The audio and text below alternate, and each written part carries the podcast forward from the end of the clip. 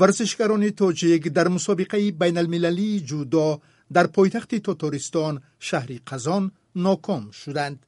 بازی های پنجمی همبستگی اسلامی به سال 2022 انتقال داده شد. این افغانی های ورزشی را من نرزاللهی لطیف به شما پیشکش می کنم. در مسابقه بین المللی جودو با نام گرند سلیم که در پایتخت توتاریستان شهر قزان برگزار شد ورزشکاران تاجیک در دور مقدماتی شکست خورده از حق ادامه رقابت ها محروم شدند.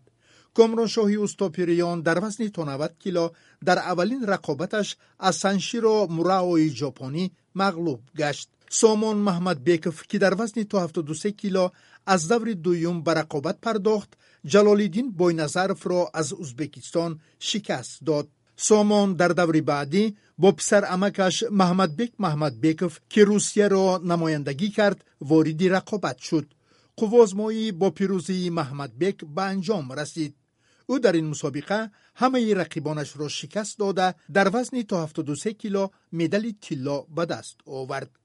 یادآور می شوم در مسابقه مذکور قبلا ابو مسلم قیومزاده و شهباز سعید ابرورف هر دو در وزن تا 60 کیلو علی جان سفر علیف و بهرام صوفیف هر دو در وزن تا 66 کیلو و اکمل مرادف در وزن تا 81 کیلو ناکام شده بودند. به این ترتیب همه هفت ورزشگری که به هیئت دسته منتخب تاجیکستان شامل بودند رقابت های خود را ببرار انجام دادند.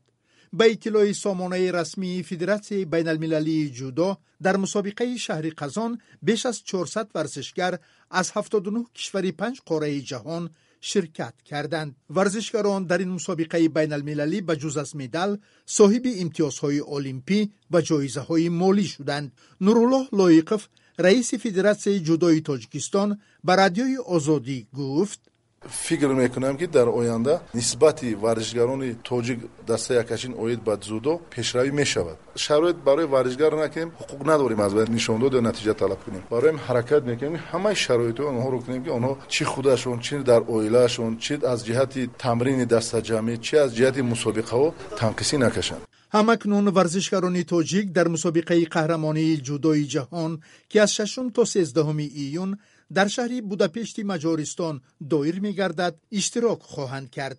Хабари дигар бозиҳои панҷуми ҳамбастагии исломӣ ки бояд аз даҳум то нуздаҳуми сентябри имсол дар қунияи туркия доир мегардид ба соли 2022 гузаронида шуд